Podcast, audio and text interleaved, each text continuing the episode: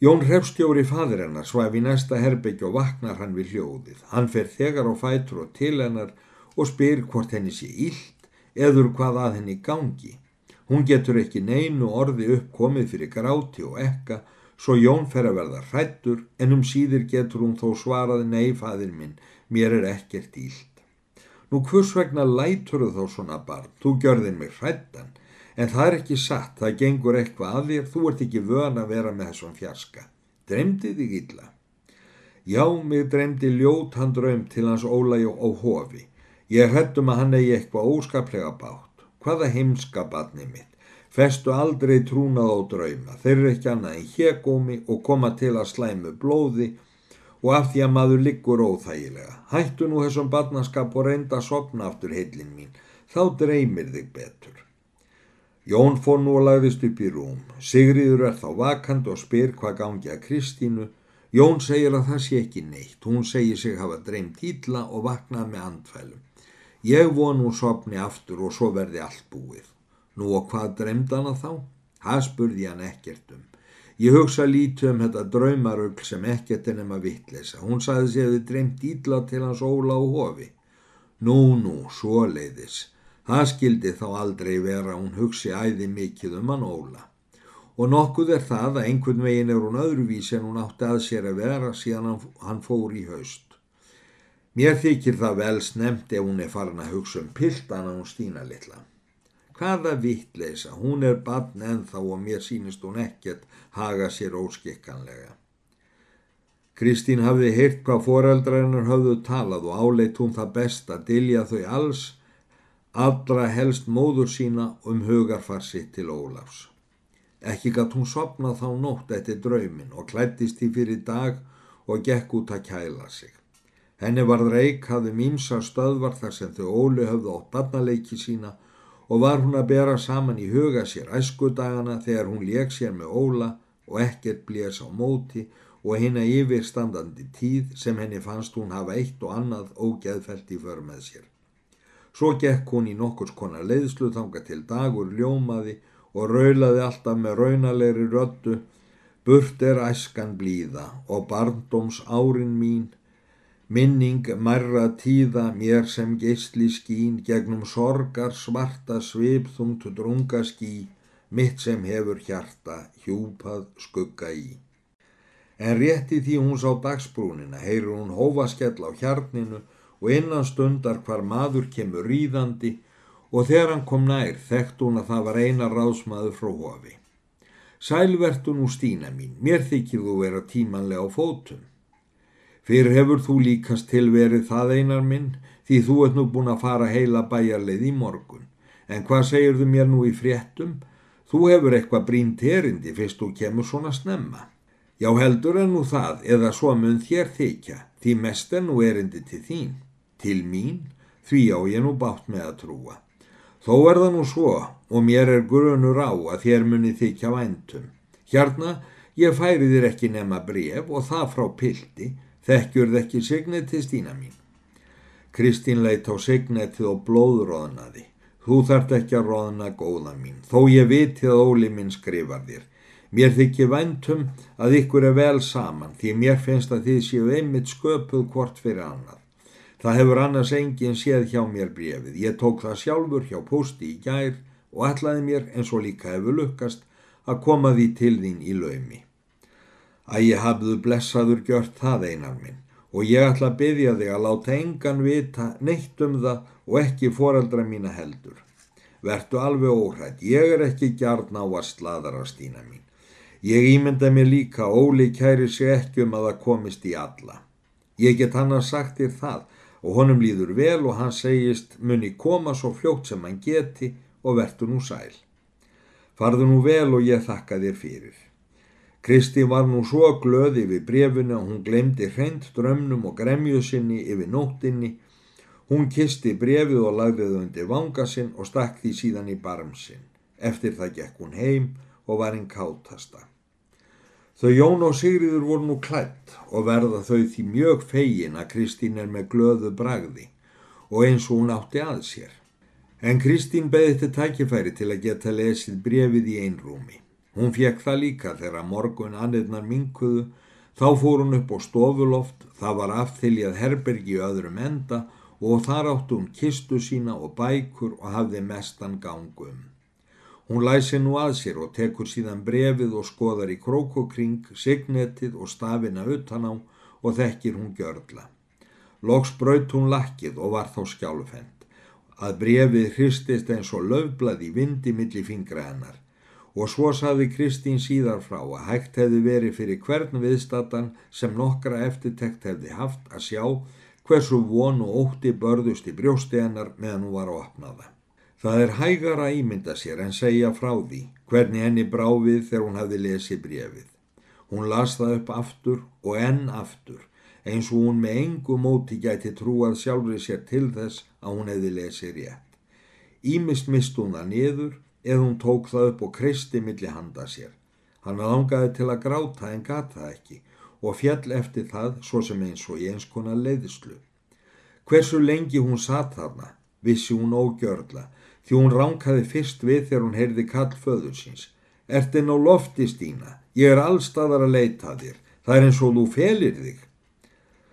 Kristín rökk við þegar hún heyrði til föður síns og flýtti sér að átta sig og öllu sem orði var. Hún tók brefið í snatri, læsti það niður og laug síðan upp herbyrginu. Fadur hennar kom inn en þegar hann sá hana varð hún um byllt við og sagði Hvernig ertu barnið mitt gott? Er þér ílt? Þú ert svo föl eins og liðið lík. Nei, fadur minn, mér er ekkert ílt. Mér var óglatt áðan svo ég held að ég hefi blundað ögn en nú er ég jafn góð.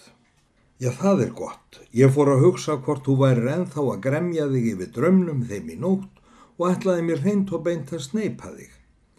Nei, ég er ekkert að hugsa um dröminn, saði Kristín og blóður aðnaði, en fadur hennar sá það ekki, því hún snýri sér snöglega við og gekk ofan.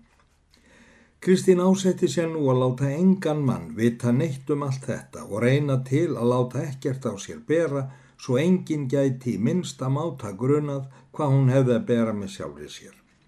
Hún var það sönnu nokkuð fálátari og alvarlegri en hún hafi verið og heldum en það náttúrlega einkenni stillingar hennar og árafjölgunar. Nú leið fram á þorra og byrjaði svo kölluð vetrarvertíð á Söðurlandi. Gjörði fiski abla góðan og sæmilega sjóargeftir svo um sömarmál voru komnir góðir hlutir. Ekki lagði Vigfús til Ólafs stórkostlega þann tíma er hverju manni var það auðséð að hann gatt aldrei litið hann réttu auga. Og þótt allir aðrir væru sífælt boðnir og búnir til alls fyrir Ólaf, þá varaðist Vigfús að gjöra honu nokkun tíma nokkuð til þægðar. Þannig liðu nú tímar til þess undir vertíðalokk. Var þá farið að minka um fisk og sjóróandi sveitamenn farnir að hugsa til heimferðar. Tveim dögum fyrir lokin var veður gott og rérum en þá allskipa. Þeir björn komu seint haðum kvöldið og bundu skip sitt á floti með stjórafærinu því að útleit fyrir stilt veður en snemma skildi róið að morgni. Nálegt miðri nótt vaknar Ólafur við það að ofsa veður er komið með koldimri kavaldsríð. Hann klæðir sér skjótlega og vekur vikfús. Hann dragnast í föttin en verður þó nokkuð setni Þegar Ólafur gengur út vekur hann skipherjana og flýtir sér svo til sjóar.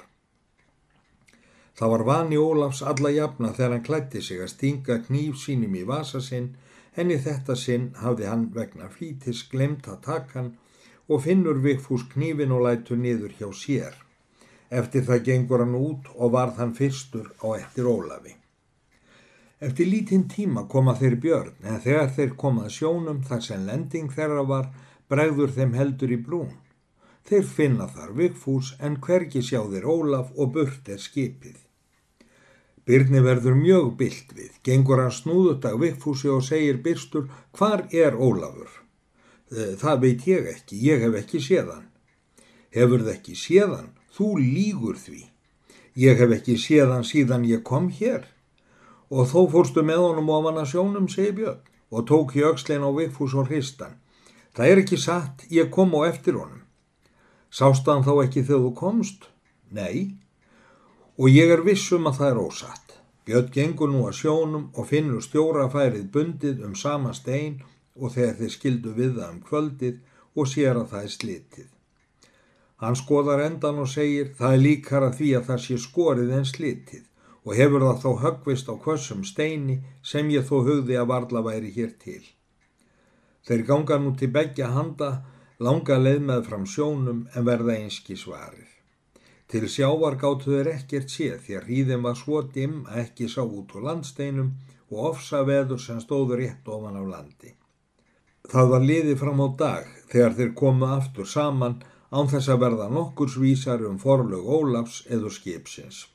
Björn segir þá, það er nú nokkur megin efa laust að Ólafur hefur þá verið koin upp í skipið, líklegast til að auðsa það og það er svo slitnað frá. En með hverjum hætti, það er mér því miður hulið. Guð hjálp honum Ólafi mínum. Hann er farin og svona á áralausu skipinu í ofsaveðri. Hann hefur þó stýrið og austurtróið. Mér liggur við að hugga mig við það að hann kannski geti bjarga lífið sínu af því að hann er svona snillingur í öllu. Þetta er nú það þingsta sem nokkun tíma hefur komið og mun nokkun tíma koma fyrir mig. Þegar Björn leti ljós von sína að Ólafur kynna geta bjarga lífinu þá tók einn af hásettónum eftir því að Vigfús kiftist við og áleit hann það eins og náttúrulega áhrif af tilfinningum hans þegar hann hugsaði um neyðarkjör sveitunga síns og félaga. Veðrið stóð þennan dag og hinn næsta, gjörði þá gott veður og bjart og var sendt með fram allir í sjávarströndin innan faksaflóa og fréttist hvergi til að Ólaf hefði að landi borið. Þessi sorglegi atbyrður fréttist nú víða og varð margrætt um hvernig hann hefði aðborið og voru flestir þeirrar meiningar að það hefði orðin með náttúrlegum hætti að stjórafærið hefði högvist á steini. Aldrei lagði Björn neitt til þess og var hann jafnan fátalaður um það. Það var bæði að hann hafði nú ekki skip, enda var þó komins á tími sem róðurum var hætt og bjögust sveitamenn allir að fara heim. Vigfús bjó ferð sína sem aðrir og voru förðu þurrar kveðjur með þeim bytni þegar þeir skildu. Björn rittaði sér að bjarna langt og innilegt bref og sagði honum frá hinnu sorglega kvarfi Ólafs, hann tók þar meðal annars svo til orða. Það er mér að öllu leiti óljóst hvernig þennan raunalega atburð hefur aðborið og líkast til að sá sé enginn sem um það geti borið og setna í brefinu segir hann fyrir drottni er engin hlutur ómögulegur. Ég fyrir mitt leiti er ekki sviftur allir í von að við fáum enn að sjá hinn sátt saknaða ungling heilan og hófi. En farið svo að það bregðist, þá getum við vinir hans því að ég tel mig hygglust einn af þeim, huggað okkur við það að hann hefur meðtekið trúra þjóna verlaun því hann hefur áinnið sér Guðs og góðra manna hilli.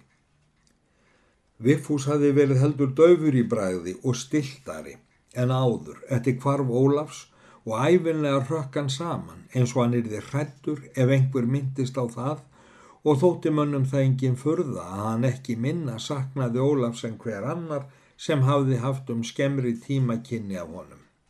Vigfús fór fyrst til Reykjavíkur og hafðist þar við nokkra daga ráðstafaði hlut sínum og kefti ímislegt glingur sem hann höfðist að selja sér til ábata þegar hann kæmi heim. Hann tók þar hinn að fyrri hátsemi sína drakk og svallaði. Skorti hann þá ekki heldur en fyrr fylgisbaka vini og áhangandur og bar þá ekki lengur á devð og fáleikum hans. Aldrei vildi hann tala um hvarf Ólafs og eitti því jafnar ef einhver myndist á það. Kvöldið áður en Vigfús ætlaði á staður Reykjavík mætti hann grímúlfi vini sínum á götu og vildi þó gjarna forðast fund hans eh, hefði hann getað en grímúlfur var á annari skoðun. Kondu nú blessaður og sæl Vigfús minn saðan, ég heyrði það rétt á tilviljun áðan að þú ætlaði á stað hérna strax í fyrramáli og þykir mér það undarlegt að þú skulir ekki hafa komið að kveðja mig, besta vinin sem þú átt.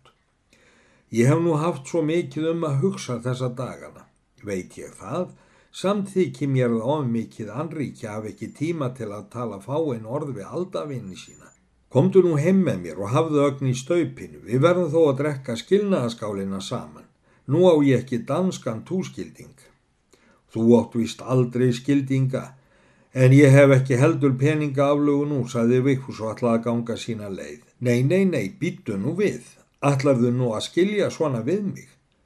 Það hjálpar ekki, ég þarf að tala ögn við þig. Ég hef ekki hjarta til að skilja svona kuldalega við ástvinni mína og vildi líka vita hvort þú myndir hverju þú lofaði mér í vetur þegar ég skrifaði fyrir, já þú skilur. Já ég hef ekki tíma að tala við þig núna svo ég er búin að segja þér að ég hef ekki peninga núna. Hér þarf nú ekki mikils með ég er ekki stórlátur ef þú flegir í mig svona þrem dölum er jánaður. Þrem dölum, ertu vittlös, þarna hefur þeir dal ég get ekki meir. Jú, ég sá þarna hjá þér annan til, en heyrðu, vilt ekki ganga með mér til fógettans. Hann er í standi til að lána þér það sem þið vantar. Hanna, þarna hefur það annan til. Þú skalt fá þann þriðja þegar ég kem og hveðja þig á morgun, saði Vigfús talsvert önnulegur. Jæja, það er gott, það er allt hérnt hægt að komast út af við mig. Ég reyði mig á trúfesti þína, en hættir við mér verði það minnistættið og prettar mig, því að sjálfur svík ég aldrei vini mína.